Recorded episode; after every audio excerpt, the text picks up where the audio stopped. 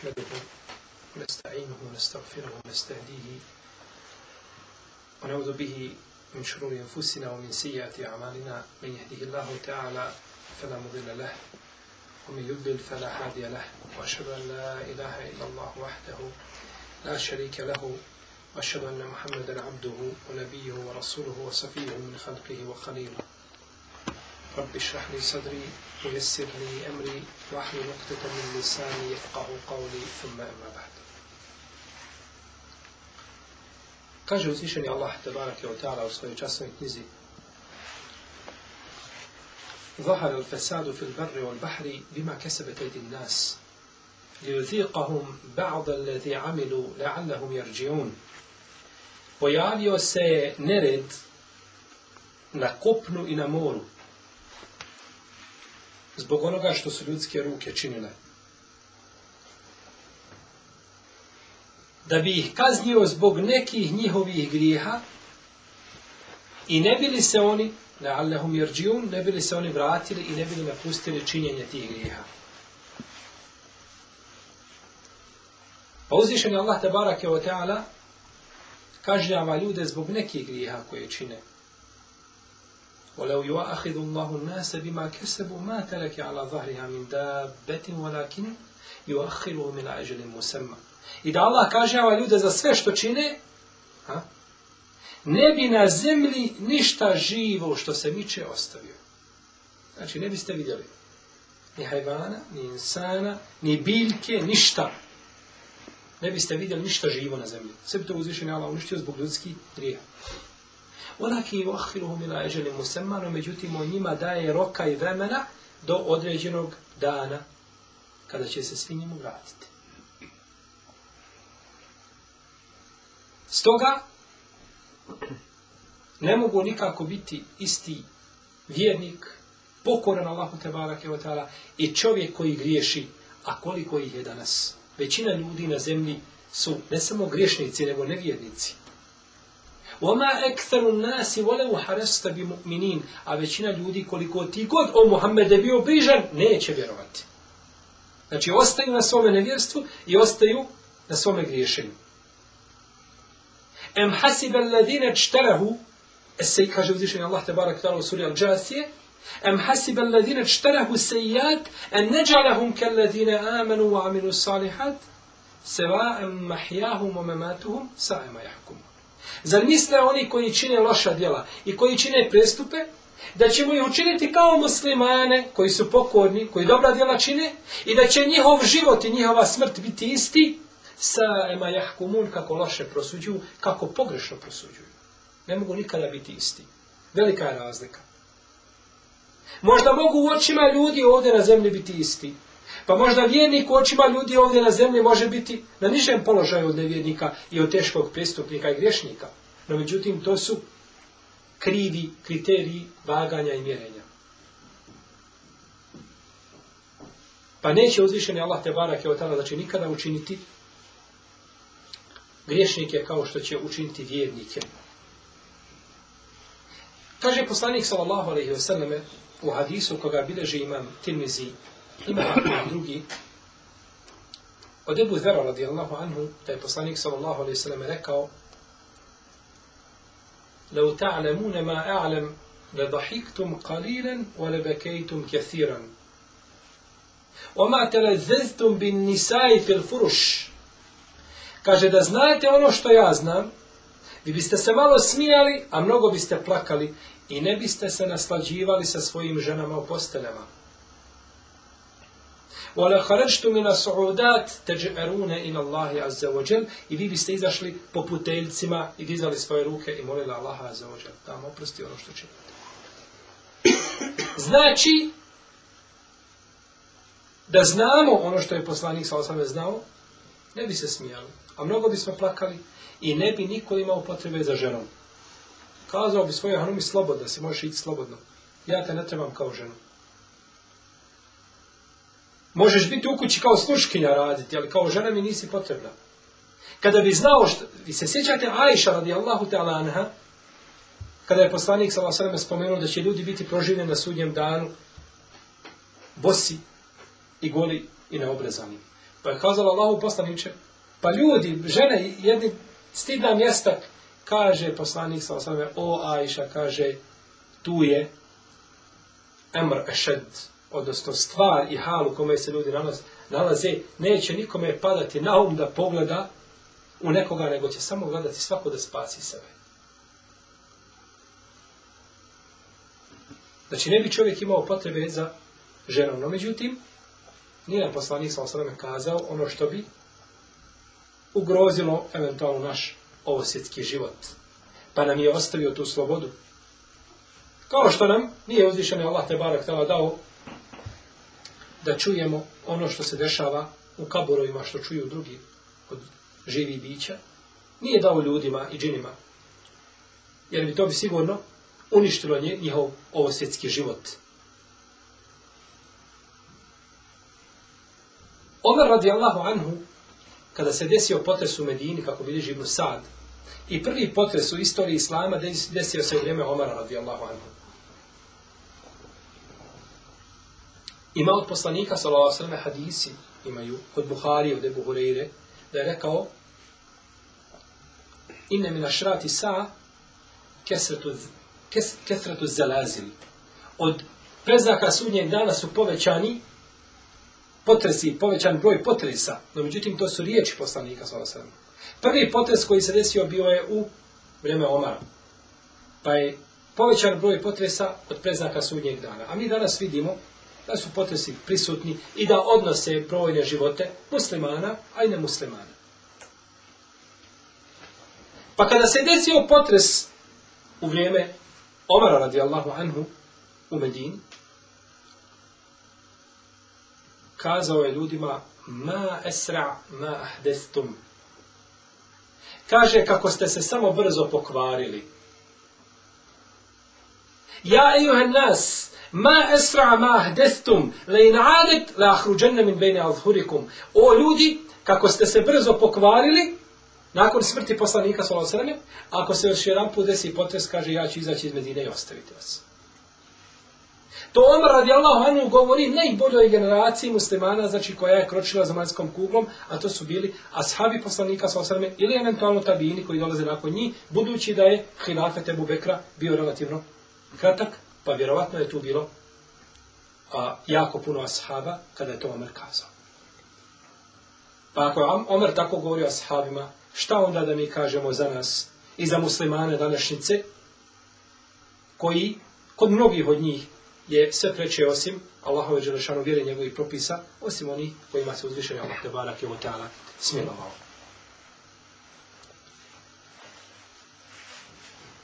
Ljudi dakle griješe Svjesno ili nesvjesno.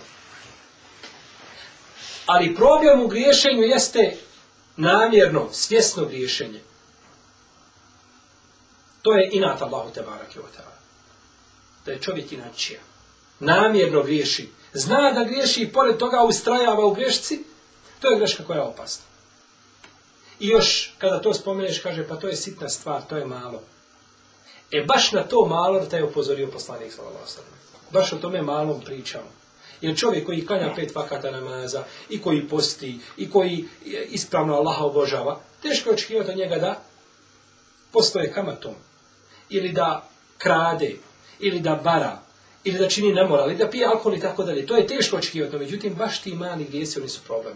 Kako je došlo u hadisu pod imama Ahmeda i Dijal u njegovom djelu Muhtare, od Sehla ibn Sada i ibn Mesauda radijallahu anhuma, da je poslanik sallallahu alejhi ve sellem rekao: "Iyakum wa muhaqqaratu dhunub, fa innahunna yajtami'na 'ala ar-rajuli hatta yuhlikna." Dobro se kaže čuvajte oni mali, oni prezreni grija, što su vašim očima prezreni, jer oni se nakupljaju, talože se dok ne unište čovjeka. Jedete iznutra, a ti ne osjetiš zato što ga smatraš malim grijom. I onda kada te uništi, onda vidi čovjek da je uništeno, međutim, tada mu bude kasno kada mu je Allah zapečeti njegovo srce, pa hoće da se pokaje, no međutim, ne može, ne može se pokajati. Naš gospodar Tebarak je Otala nam je u Kur'anu govorio o brojnim narodima kako su uništeni. Zbog svojih grijeha koje su činili. Kako su ih njihovi poslanici opominjali, no međutim, nije bilo koristi od opomene. I jedan od tih naroda o kojima o kojima je uzvišen Allah zađer govorio u Koranu i objavio posebnu suru povodom njih jeste narod sebe. Suratu sebe. Govorio nam je o tome narodu u nekoliko ajeta, no međutim opisao nam njihovu situaciju i šta se to dešavalo sa njim. Pa kaže uzvišeni Allah za لَقَدْ كَانَ لِسَبَئِنْ فِي مَسْكَنِهِمْ آيَةً جَنَّتَانِ يَمِينٍ وَشِمَالٍ كُلُوا مِنْ رِزْقِ رَبِّكُمْ وَاشْكُرُوا لَهُ بَلْدَةٌ طَيِّبَةٌ وَرَبٌّ غَفُورٌ Stanovnici sebe, sebe, kada je poslanik sa osnovu upitan šta je to sebe, kako bilježi imam Tirmizi, sa dobrim lancem prenosilaca, rekao je, kaže, sebe to je, da li je to čovjek, da li je to žena ili je zemlja. Kaže, to je čovjek koji je imao deset sinova.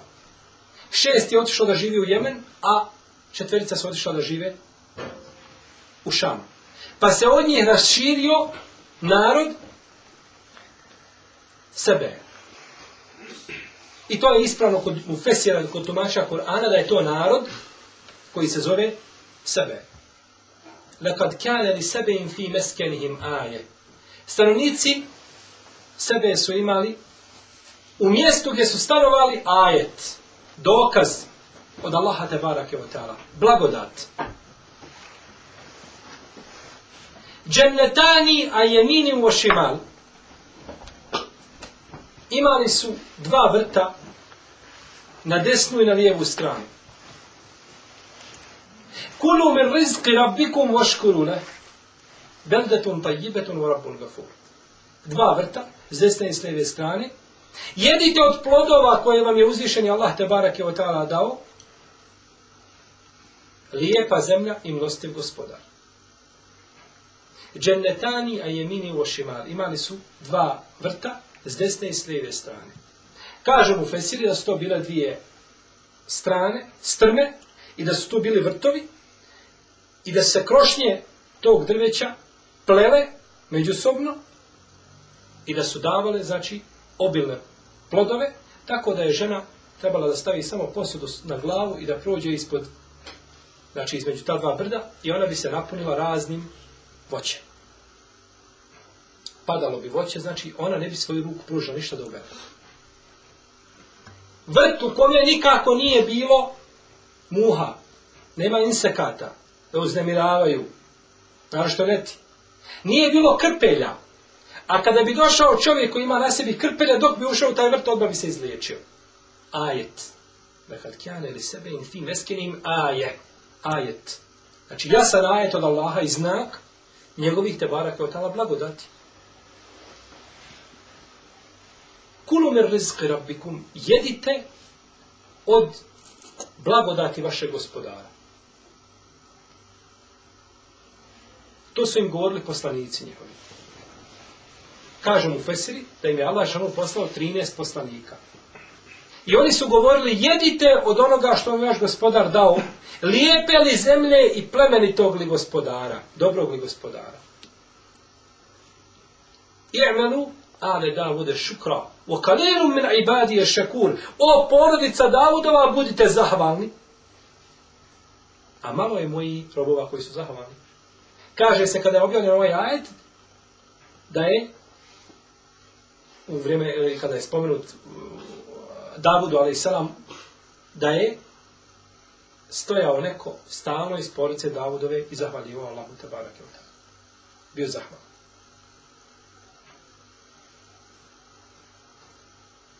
Dao im uzvišeni Allah te barake da žive u obilju, ukazuje svoje blagodati, počastio ih kao svoje robove. وضرب الله مثلا قرية كانت آمنة مطمئنة يأتيها رزقها ragada من كل مكان Allah vam navodi primjer jednog mjesta u koje je živjelo u miru.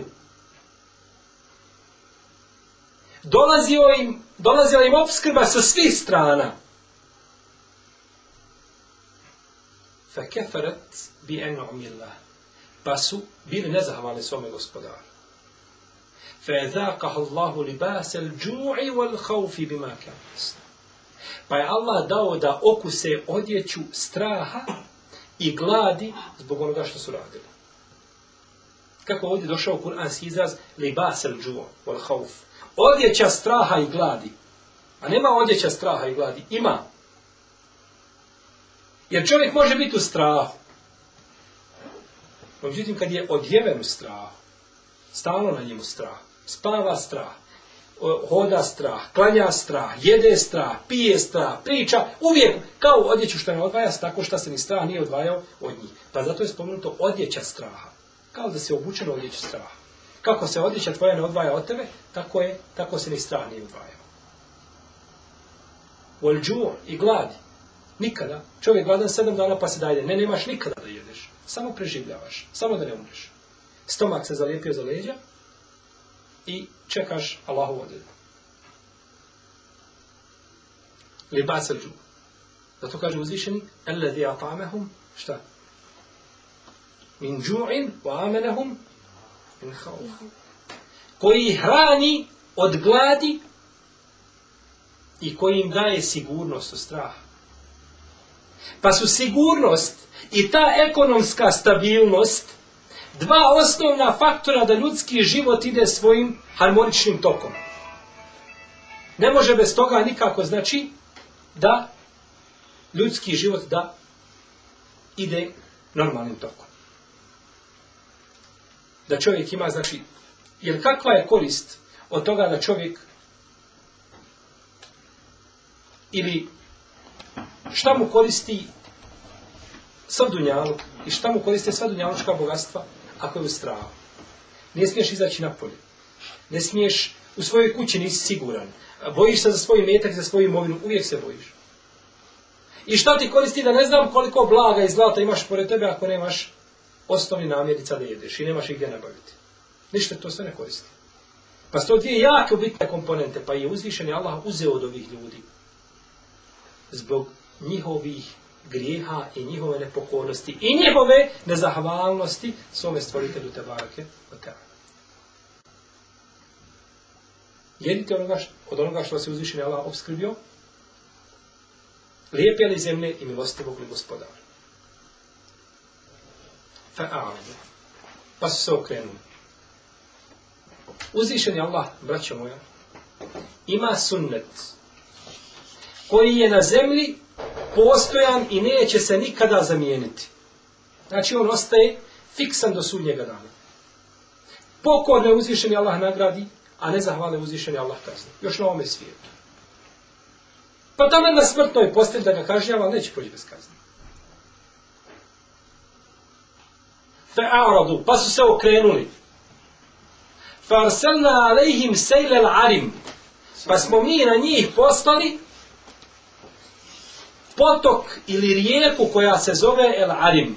To je jedan potok koji je bio žestok, koji je uništio njihove usjeve i njihove bašće i njihove vrtove.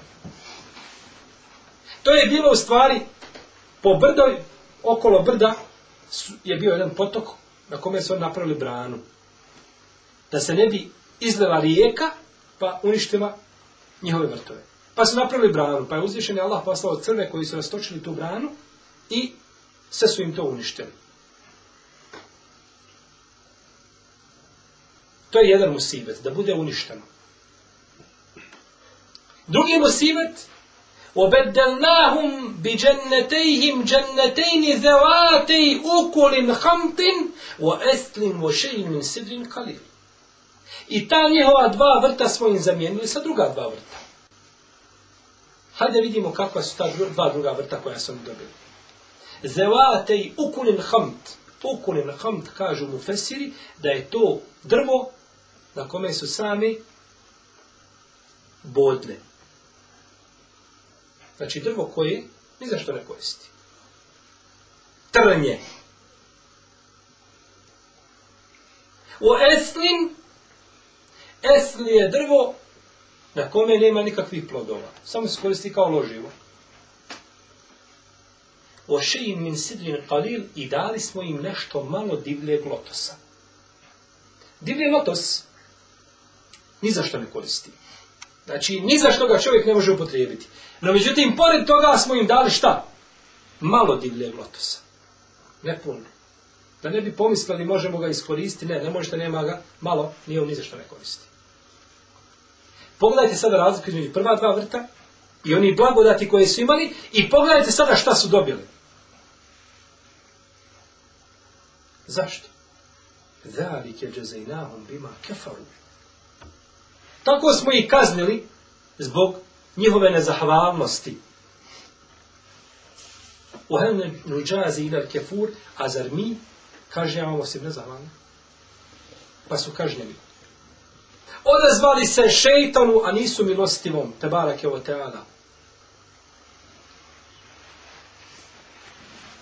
Kako kaže uzvišeno u istoj suri, Isto mjesto kaže وَلَكَدْ صَدَّقَ عَلَيْهِمْ إِبْلِيسُ ظَنَّهُ فَاتَّبَعُوهُ إِلَّا قَلِيلٌ مِنَ الْمُؤْمِنِينَ إِلَّا قَلِيلًا مِنَ الْمُؤْمِنِينَ I šeitan je znao njihovu boljku, pa su ga, pa je zavodio, pa su ga počeli slijediti osim malog broja vjernika među njima. Ima jedna mala skupina koja ostala dosljedna. No međutim, većina ljudi je otišla u zaključku. Pa je uzvišen Allah te kaznio i zamijenio im tu blagodat samo musibetom. I zato ne trebamo gledati u čovjeka, kada hoćemo da znamo vrijednost blagodati. Nemojte, vraći gledati u čovjeka koji nikada nije imao blagodati. Nemojte pitati slijepca šta je to blagodat vida. Koji je od malih nogu slijep, nemojte ga pitati šta je vid, jer on ne zna šta je vid. On ti ne može kazati kakva je to blagodat. Nemoj čovjeka koji cijeli život zna samo za patnju. Nikad providna dana u svom životu vidio nije. Samo muka i tegoba. Nikada u svome džepu više od dinara imao nije. Nemoj ga pitati šta je to blagodati betka. Pa on ne zna, on ga nikada nije imao. Nego pitaj čovjeka koji je imao blagodat, pa mu je uzvišen Allah uzeo. Pitaj čovjeka koji je naučio da ima uvijek i da živi u blagostanju, onda jedan put nema ništa. Ili čovjeka koji je hodio po zemlji sam sobom, pa nakon toga mora imati šćap da hoda ili ga mora neko voditi. Pitaj njega šta je blagodat vida. Pa će ti on kazati šta je ta blagodat koji je imao blagodat pa mu je neko od njega uzeo. Jer on tada osjeti šta? Nedostatak te blagodati. Dok čovjek koji to nije imao ne zna i ne možete ni kazati, ne možete ni kazati kakva je to blagodat. Pa pogledajte ovdje kako je uzvišen Allah te barek kaznio. Kaže za njih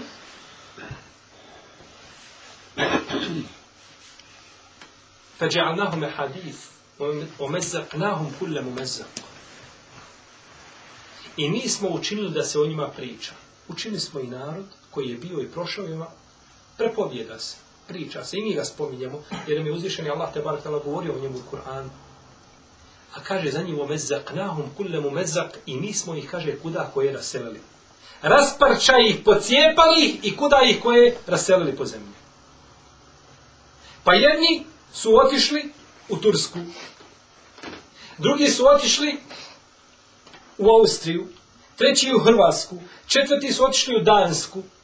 I onda im ovi gore podijeli pasoše i oni ostali gore i zaboravili šta su bili i svega se lišili čemu su se pripisivali. Pa smo ih kuda koje po zemlji zemlji raselili. Znači, samo još nije spomenuto tamo negdje u Kur'anu Bosna i Hercegovina i tako se dešava. Pa nije Bosna ne spomenut tamo neki narod sebe i nema potrebe da plaćamo istu cijenu. Kad je plaćena jedan put, ljudi su je prije nas platili. Uči se na greškama drugih, no međutim hoćemo mi da sami probamo kako je to kad čovjek bude ponižen i protjeran i raseren i ubijen i masakriran. Pa želimo to sami da ispitamo na svojoj koži, valjda će nas to pameti naučiti. Neke je naučilo pametino, međutim većinu ljudi sa ovih prostora koji su to isto trpili, nije ih to naučilo pameti.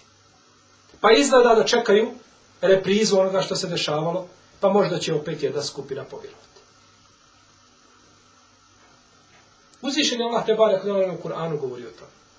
I pričao. No međutim, to se nije spominjalo. Kur'an je bio zatvoren u džamijskim zidovima i o njemu se nije govorilo i o pričama koje su u njemu, niti se pouke uzimali iz tih priča, jer ako je priča samo priča u Kur'anu, da se samo prepovjeda. i da ovdje nikakve druge koriste nema, Bogom da ćemo malo fajlje imati od tih priča. Priča je objavljena ta kuranska da razmisliš o njoj i da uzmeš pouku, da ti se ne desi ono što se desilo ljudima krijeta. Pa ljudski grijesi, takav moje braćo, imaju jako negativan utjecaj na stanja muslimanskih društava.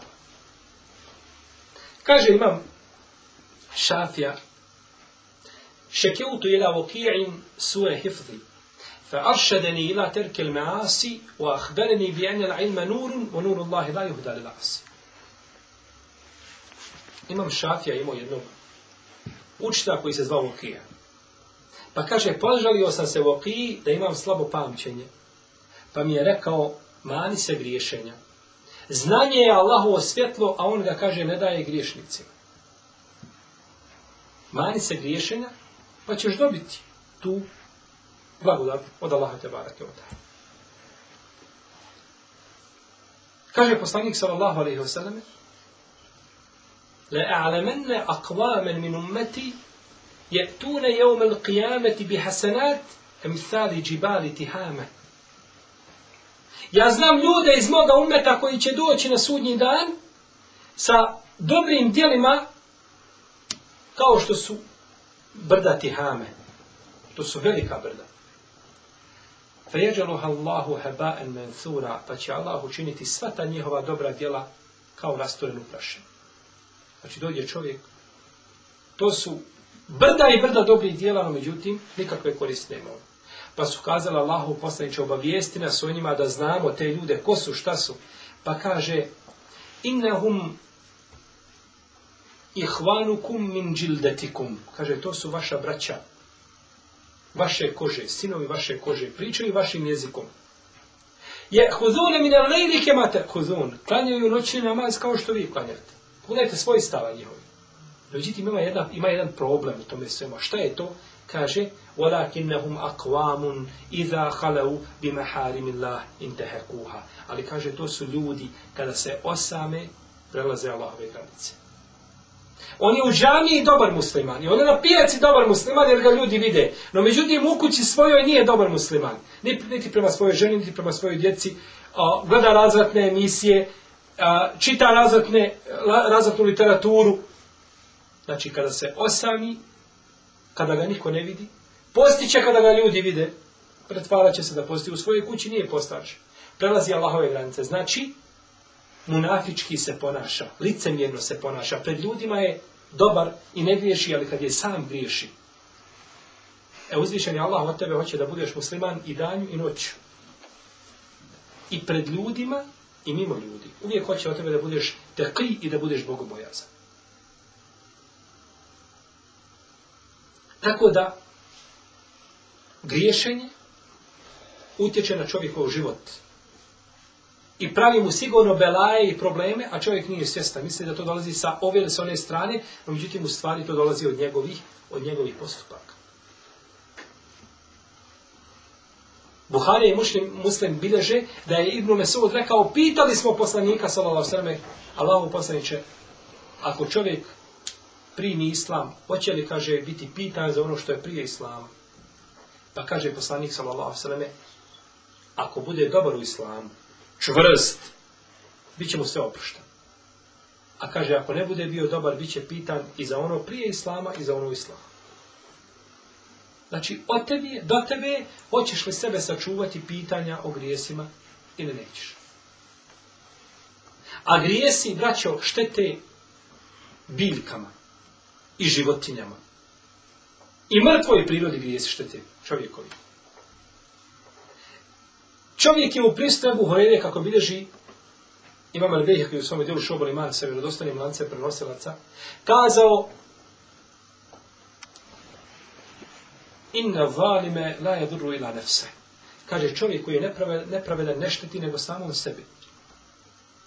Pa Ebu Horene digao glavu i vidio pticu koja leti. Kaže, tako mi Allaha, kaže, čovjek koji je napravedan, zulumčar, on kaže šteti ovoj ptici koja je u vazduhu. I govorili su ashabi, skoro da gušter umre u svojoj jazbini od grijeha sina Ademovog. I Ebu Bekri je govorio, kako bi Dina Vori, o svome djelom muđale se, nijedna životinja neće u lovu biti ulovljena, niti jedno drvo posjećeno, a da prije toga nisu ostavili te spominjanje Allaha, slavljanje Allaha. Pa biva ta životna ulovljena zato što je učinila grije, ostavila te spih. Ili drvo posjećeno zato što je ostavila te Pa dobro, ako je takav slučaj sa tom tim bićima koja nisu obavezana da budu pokojna Allahu, kao što smo mi i na način kao što smo mi obavezani, pa šta onda se ljudima? I zato čovjek, braćo, svaka stvar koja mu se desi u životu, treba da gleda gdje sam to pogriješio. Neka samo premota film u zadnjih sedam dana šta je radio i vidjet će da je negdje napravio propust. Možda neće primijetiti, ali je napravio grešku zbog koje je kažen. Može mu biti iskušenje, tačno, no međutim, u velikom broju slučajeva, i to je bila praksa Selefa, da se to dešava zbog ljudskih grijeha i govorili su šta god da mi se desi, ja se vratim na sebe i pregledam svoje grije. Pa kad ti čovjek dođe kome si dužan i metak pare. Jel ti dođe radni kolega na radnom mjestu, jel ti dođe mušterija u radnju, pa ti napravi belaj. Nemoj odmah njemu kazati kakav je čovjek nekulturan, nego kaži, Allah, dragi, šta sam to uradio? Gdje sam ja to pogriješio u zadnjih par dana da ovaj čovjek dođe i da mi azam čini i da me kažnjava ovdje on na zemlji? Poslanik sallallahu me kaže u hadisu koga bideži imam Buhari u svom dijelu El Edebul Mufred i on je vjerodostan od Ibn Omara. La vade isnani fillahi azza wa jel, au fil islam. fe furrika bejnehuma illa bi zembin juhdisuhu ahaduhuma. Neće se nikada dvojica voljeti u ime Allaha azza ođel u ime Islama, pa da se rastanu njih dvojica, a da to nije zbog grijeha koji je počinio jedan od njih dvojice. Imate dva muslimana stalno skupa, u džamiju skupa, na predavanje skupa, na pijacu skupa, ne razdvajaju se. I samo vidiš jedan put zakleti neprijatelji. Šta je? Zbog grijeha koji jedan od njih dvojice počinio. Tako kaže Rasulullah sallallahu A mi ne znamo drugačije razmišljati nego kako nas je ovo naučio, ali i samo to je sada. Kaže zbog grijeha, jedan od njih dvojice je načinio grije. Pa ne da uzvišeni Allah onome drugom da se duži sa griješnikom. Kaže, niste za njih, odvojiti se, doći tebi drugi bolji, a ti idi traži sebi tako kao što, je, kao što si ti.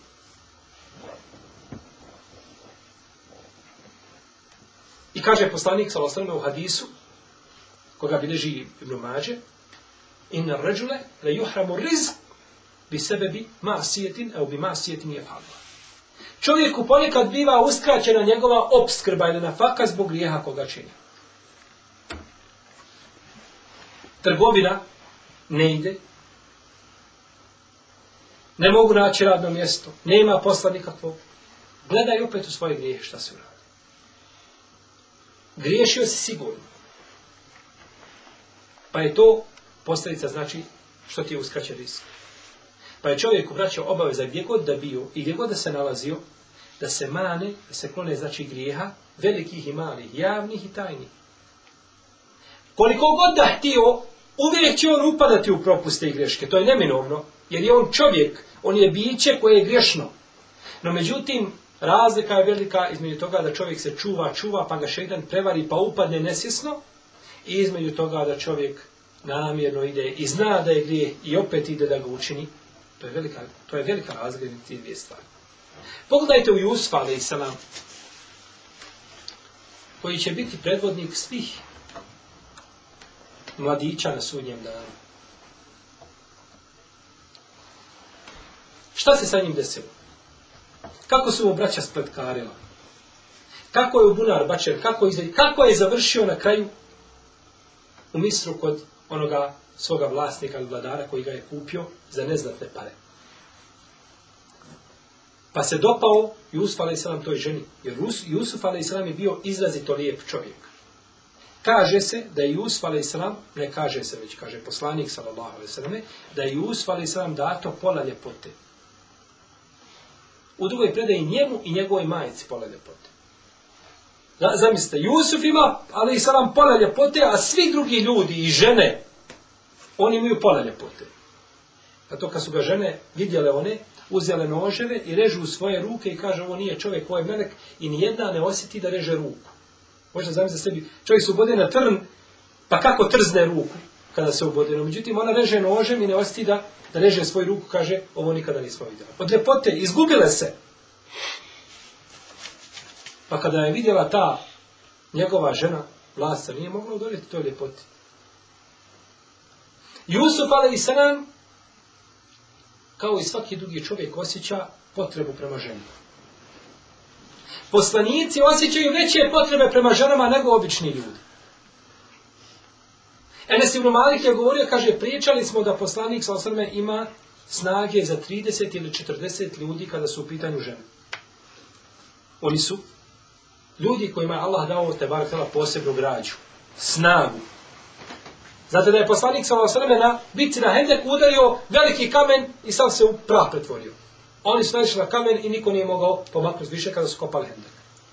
Imao snagu koju nisu imali ljudi drugi. Jusuf a.s. znači osjeća ono što osjećaju svi ljudi prema ženama. To je jedan bio razlog da počini ono na što ga je pozivala, da počini nemoral, da počini grije. Drugi razlog je bio da je Jusuf a.s. neoženjen. A potreba neoženjenog čovjeka za ženom je veća nego oženom.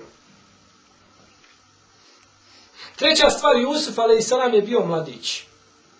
A potreba mladića je znatno veća nego potreba starijeg čovjeka. Zato je poslanik s.a.v. rekao Trojicu uzvišeni Allah neće ni pogledati na sudnjem danu. Vladara žova, siromašnog oholnika i starca nemoralnika. Vladar lažu. Vlada čovjek, ima su vojska, policija, sve je njegovo. Zašto lažeš? Ne, ti nemaš potrebe da lažeš. Jer čovjek laže kada želi da dođe do prava koje mu ne pripada. Tada laže. Ili da se začuva zlo koje bi ga moglo pogoditi. Ti vladar kralj, imaš pored sebe svitu svoju koja te čuva. Zašto ti lažeš? I čovjek siroma oholnik. Ništa nemaš. Kada bi te naopačke izvrnuli, ne bi Ništa jeste vidiš. Nemaš ništa. A ohol, zašto se oholiš? Čovjek koji je bogat ima lijepo auto, ima lijepu kuću, ima e, e, imanje. Ima po nekakvim dunjaručkim kriterijima gledano pravo da se oholi. Iako nema po ahiretskim, po Zašto si ti siroma i oholnik? I starac nemoralnik. Ti star čovjek, nemaš potrebe nikakve za ženom. To te najmanje zanima. Jedva se, jedva ustaješ, jedva ležiš, Nema bolesti da se nije sastalo u tebi. I samo očekuješ velika smrti da ti pokucara vrata i pored toga ne mora učiniš. Pa, jer nema šta potrebe da za mora Ovdje mu kažemo Jusuf Islam, onaj treći razlog je bio da je Jusuf Islam bio mlad čovjek. A potreba mladića je jača i veća nego potreba čovjeka koji je, znači već zakoračio u poznu starost. Četvrti razlog, Jusuf ali je u stranoj zemlji. Nikoga ne zna. Ali čovjek sebi dozvoli da čini u stranoj zemlji ono što neće sebi dozvoliti u svome mjestu boravka. Jer ako čini u svome mjestu boravka grijehe, pukne priča, pa sramota. Obruka i sebe, i babu, i dedu, i svu lozu uzlaznu i silaznu, Šta si uradio? Pa onda čovjek se suzdrži, neće činiti ono što bi učinio, šta van svoga mjesta.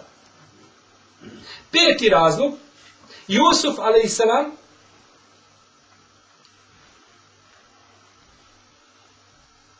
nije od nje vidio da se ona brani.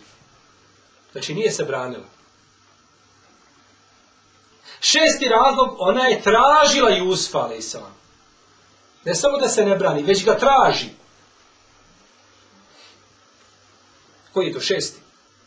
Sedmi razlog, ona je bila žena koja je bila izrazito lijepa. I bila je žena koja je bila ugledna. Osmi razlog, pozaključavala vrata.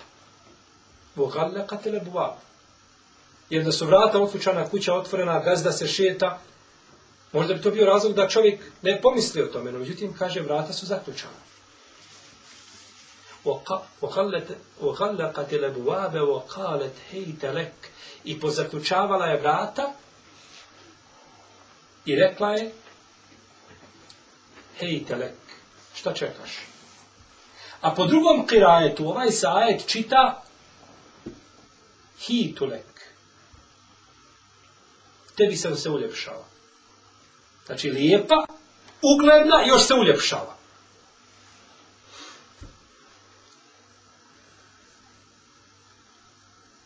Deveti razlog. Jusuf a.s. je bio pod njenom kontrolom u njenoj kući. Ona mu je bila gazdarica, on mora da se pokoji što mu kaže. Možda može odbiti naređenje nekoj ženi koju ne zna. Ali gazdarica koja mu je vlasnik i koja ga može u tamnicu baciti, kao što je uradila, ne može njoj tek tako odbiti. Deseti razlog prijeti mu zatvorom.